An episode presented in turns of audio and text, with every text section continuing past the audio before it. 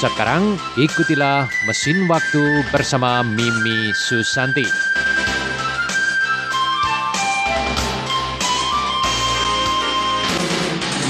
Gembira sekali kita kembali berkumpul di acara Mesin Waktu. Teman-teman pendengar, sastra Tionghoa atau sastra Tiongkok sudah berumur lebih dari 3.400 tahun dimulai sejak peninggalan tertulis di Tiongkok yang ditemukan pada zaman dinasti Shang. Namun, sastra Tiongkok mengalami peningkatan pesat mulai pada zaman dinasti Zhou, tepatnya di zaman musim semi dan gugur.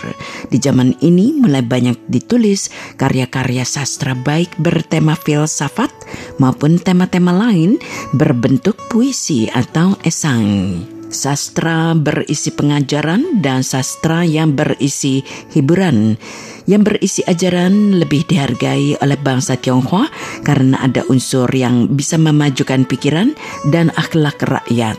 Sastra jenis ini antara lain filsafat sejarah dan sajak.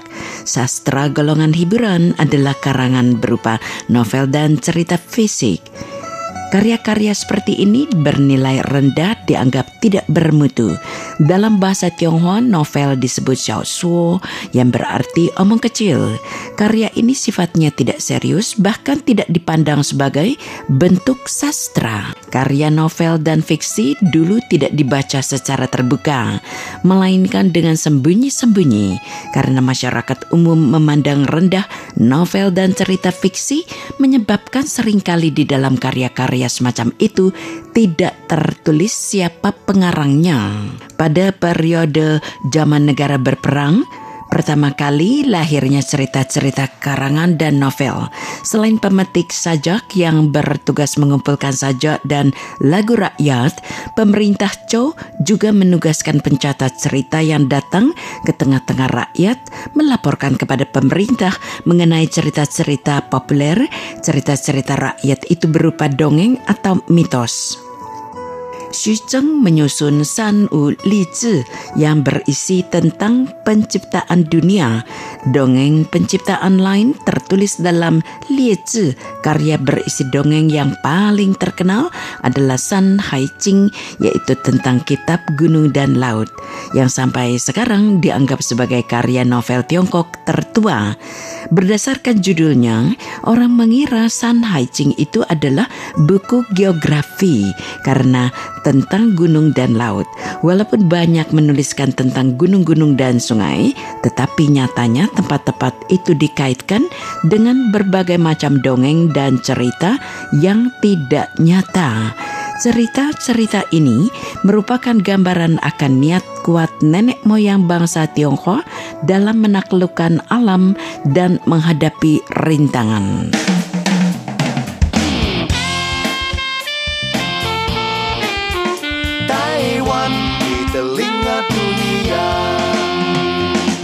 RTI Dinasti Qin yang bertahan pada tahun 221 hingga 206 sebelum Masehi berkuasa 15 tahun sangat terkenal dalam periode sejarah Tiongkok sebagai pemerintahan yang membakar buku-buku sastra Kaisar Qin Shi Huang, Shi Ti yang takut akan pengaruh kaum terpelajar melakukan eksekusi terhadap 440 orang sarjana. Hanya satu tokoh sastra yang dikenal dari periode ini yaitu Li Si, Perdana Menteri Kaisar. Pembakaran buku dan eksekusi sastrawan konon dibisikkan oleh Li Si. Lalu pada dinasti Han, sekitar tahun 208 sebelum Masehi hingga 220 Masehi. Pada zaman dinasihan itu berbagai karya-karya sastra yang sebelumnya musnah karena dibakar pada zaman sebelumnya dinasti Qin kembali disusun. Sarjana-sarjana dan tokoh sastra saling membantu mengumpulkan kembali catatan dan buku-buku sastra, menyalin dan membukukan sastra ke bentuk yang semula. Perpustakaan kerajaan didirikan kembali. Karya sejarah yang ditulis di zaman ini antara lain sejarah dinasti Han dan Siji tokoh sastra terbesar pada periode dinasti ini adalah Sima Qian yang menuliskan kitab sejarah Tiongkok yang pertama, Siji. Sima Qian dianggap sebagai bapak sejarah dilahirkan pada tahun 145 sebelum Masehi. Pada usia yang sangat muda, ia lulus sebagai sarjana. Di usia yang ke-20, ia mulai berkelana ke seluruh negeri. Setelah ayahnya meninggal, ia mulai bekerja sebagai ahli astronomi. Hal-hal yang ia lakukan antara lain memperbaiki sistem penanggalan, kemudian melanjutkan penelitian sejarah yang sebelumnya dilakukan ayahnya. Penelitian sejarah itu kemudian ia tuliskan ke dalam buku catatan sejarah agung. Buku ini berisi sejarah Tiongkok yang dimulai di zaman purba sampai sekitar saat ia hidup, 100 tahun sebelum Masehi.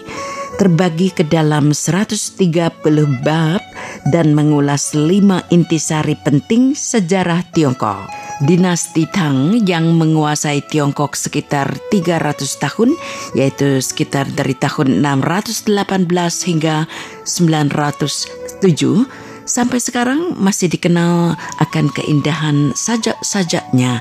Sajak dinasti Tang diwariskan sebagai bacaan sajak yang terbaik bagi rakyat Tionghoa dari zaman ke zaman. Menurut pakar Herbert Gills, sajak Tionghoa meskipun telah ditulis sejak lama, ia baru mengalami penyempurnaan pada zaman Tang. Sajak merupakan tema sosial budaya yang penting dalam kehidupan masyarakat Tang. Kumpulan lengkap sajak dinasti Tang yang diterbitkan atas perintah Kaisar dinasti Qing pada tahun 1707 berisikan 48.900 buah sajak berbagai jenis ditulis ke dalam 900 buah buku, terbagi dalam 30 volume. Sajak-sajak Tang dapat dikategorikan ke dalam tiga periode yang berdasarkan waktu tulisnya, yaitu awal, kejayaan, dan akhir. Masing-masing periode juga ditandai dengan kualitas saja yang dihasilkannya. Secara kualitas, periode tengah dianggap sebagai era keemasan, lalu pada akhirnya secara bertahap menurun. Zaman lima dinasti yang dimulai setelah dinasti Tang runtuh pada tahun 907 hingga 960. Kekacauan-kekacauan dalam periode ini tidak membantu perkembangan sastra.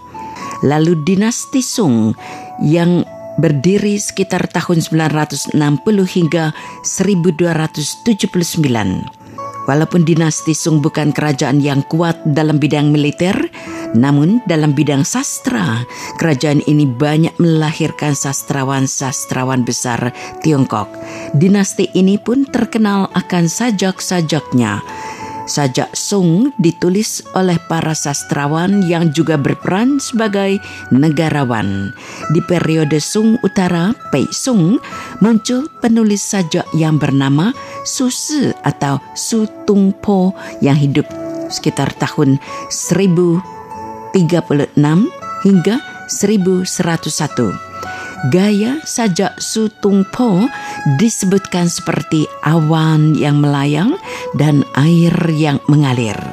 Ia meminjam pemandangan-pemandangan alam untuk memberi nafas pada sajak-sajaknya.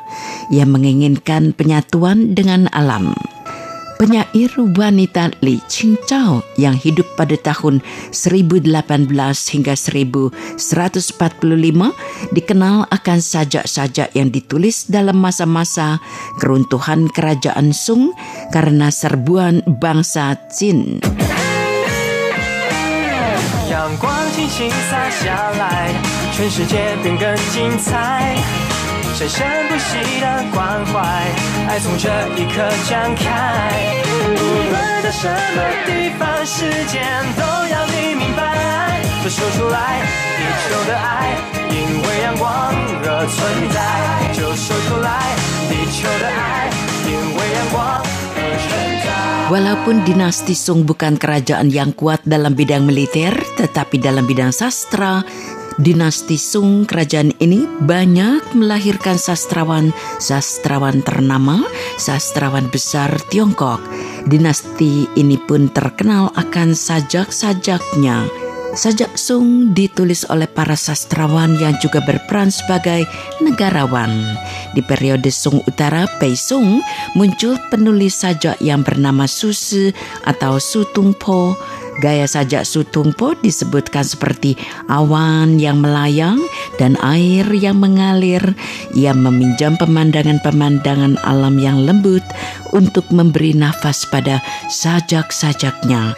Ia menginginkan penyatuan dengan alam. Penyair wanita Li Qingzhao dikenal akan sajak-sajak yang ditulisnya dalam masa-masa keruntuhan kerajaan Sung karena serbuan bangsa Qin. Sajak-sajak lainnya yang berasal dari masa perang ini penuh dengan tema patriotisme dan keinginan agar kerajaan Song bangkit dari kekalahan. Sajak-sajak patriotisme Luyu dan Xin Zhi ditulis pada periode Song Selatan dan Song sajak menjadi turun kepopulerannya ketika rakyat negara ini mulai menggemari cerita-cerita dan opera. Opera-opera Sung adalah fondasi bagi opera-opera di periode berikutnya. Opera-opera ini berakar dari kisah-kisah yang diceritakan oleh para tukang cerita.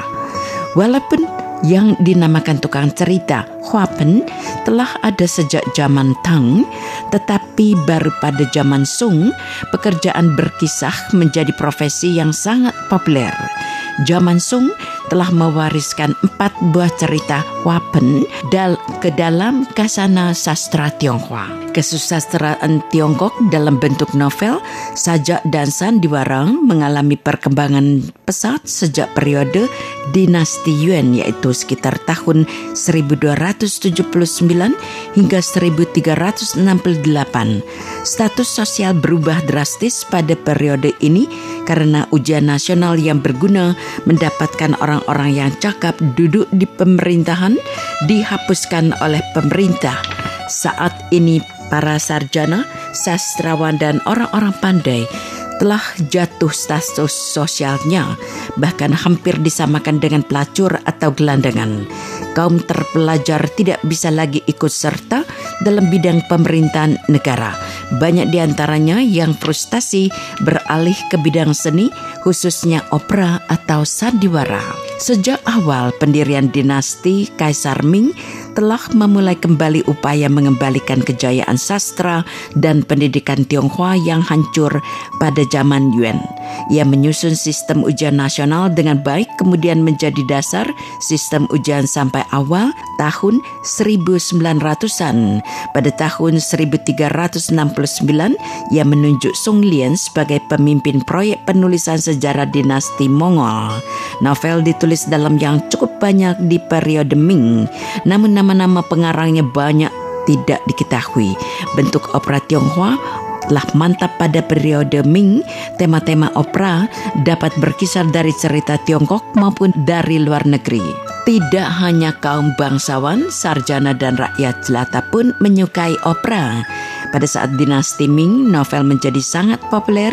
Dari periode Ming muncul empat sastra yang terkenal, yakni empat karya sastra termasyur Tionghoa, yaitu kisah tiga negara, batas air, perjalanan ke barat, dan Chin Mei.